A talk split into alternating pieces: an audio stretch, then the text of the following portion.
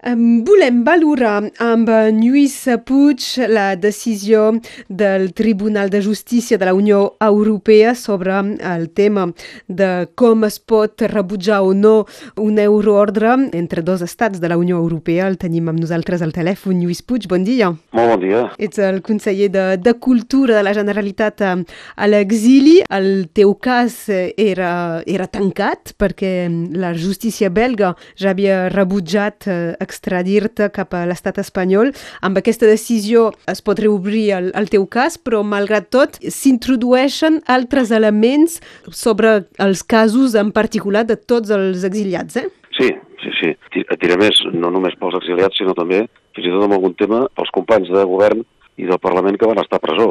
Vol dir que ens obre un escenari nou i molt diferent i molt reforçat per tota la nostra causa, evidentment, sí, sí. Tu potser de doble visió, no? Perquè, clar, el fet que se reobri sempre hi ha una mena d'incertesa, però com ho valores uh, la, la decisió del Tribunal Europeu? Mira, la valorem molt millor del que preveiem després d'aquell informe que va fer l'advocat general el juliol de l'any passat. Pensa que la resposta ben llegida de la sentència de, de dimarts, del dia 31, queda molt clar. Es reconeix que el Tribunal Suprem no és el tribunal competent per jutjar ni a mi ni a res de l'1 d'octubre de retruc. Per què? Doncs perquè eh, no, no ens dona accés a una segona instància. És a dir, qualsevol ciutadà, qualsevol persona de la Unió Europea té dret a presentar-se a un tribunal de primera instància i si no li va bé i vol fer un recurs, té que tenir un tribunal de segona instància, que se'n diu, no? Com que el Suprem es va quedar, es va apropiar de la nostra causa, clar, després del Suprem no, no tenim un segon tribunal on recórrer. A més a més, va fragmentar les persones. Uns quants els va enviar a ser jutjats a l'Audiència Nacional, uns altres al Tribunal Superior de Justícia de Catalunya, i, i ell, el, el Tribunal Suprem es va quedar a les persones que, que, que va voler, diguem-ne, no? Això, és evidentment, és una manipulació. Per tant, queda clar que el Tribunal Suprem no era el tribunal competent per demanar la meva extradició. Que això ja era un argument de la justícia belga. Exactament, era un argument de la justícia belga que alguns mitjans han volgut tergiversar i dir tot el contrari, però un cop es llegeix la sentència queda molt clar això.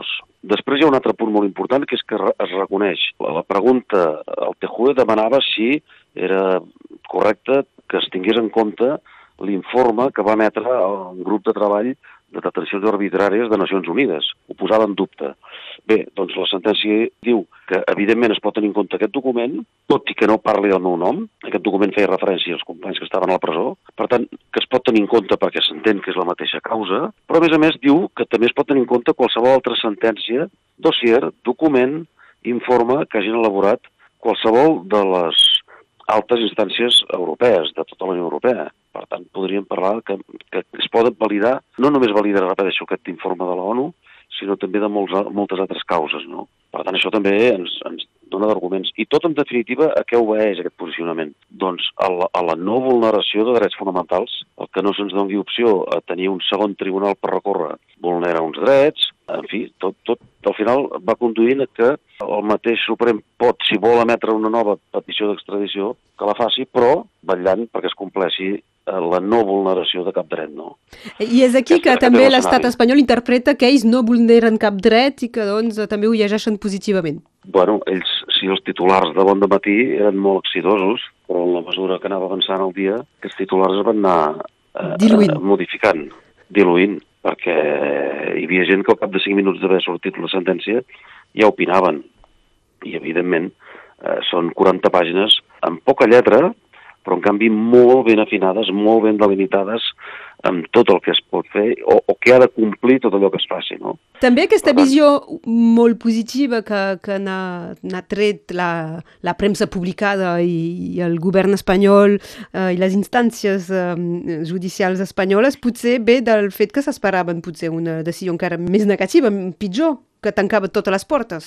No, no, al contrari. Jo penso que esperaven una victòria aclaparadora dient que ho fan tot bé i que ells no s'han equivocat en res. Pensa que la mateixa tarda ja el Tribunal Suprem manifestava que no correria a fer la nova petició d'extradició i que necessitava un, un temps, no sé si un dia o cent dies o quants, per estudiar-se com fer si, si arriben a fer-la una nova petició d'extradició. Hi ha juristes que fins i tot llegeixen entre línies que potser no podria arribar-la a fer aquesta nova petició, eh? perquè en definitiva és evident que Bèlgica si manté la, la, el fet, la, la sentència belga que, que dictamina que s'han vulnerat uns drets, això talla totes les portes, ja no, no, no, no dona peu a cap altre judici. No, no es pot tornar a jutjar una cosa ja jutjada amb sentència ferma. Per tant, els més agosarats, jo, jo no diria si tenen raó o no, però encara arriben més lluny, amb tot plegat dient que potser no es podrà ni fer una nova petició d'extradició.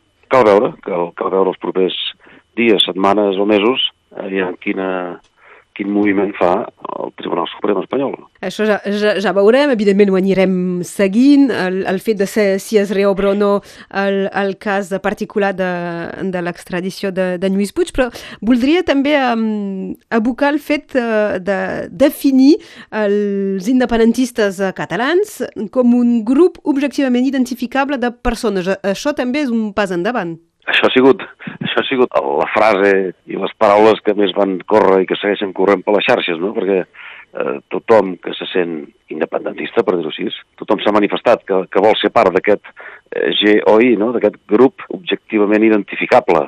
Eh, és evident que es pot identificar un, una gran majoria de ciutadans de Catalunya, més de dos milions de persones que l'octubre del 17 van votar a favor de constituir una república i de tenir una independència, una independència.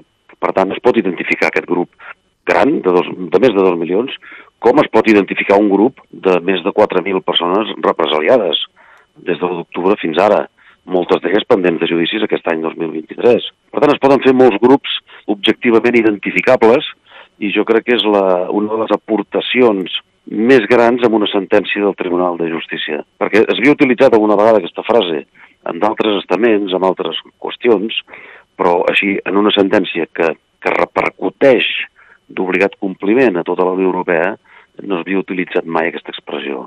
Per tant, eh, satisfets també per aquesta nova literatura jurídica, que en definitiva que harmonitza molt bé el futur de les euroordres a tots els països d'Europa. Uh, Lluís Puig, volíem valorar amb tu aquesta, aquesta decisió, aquest informe que, que ha publicat la, la justícia, el Tribunal de Justícia de la Unió Europea. Moltes gràcies d'haver atès la, la telefonada de Ràdio Arrels. Moltes gràcies a vosaltres, sempre que vulgueu, sabeu que em trobareu.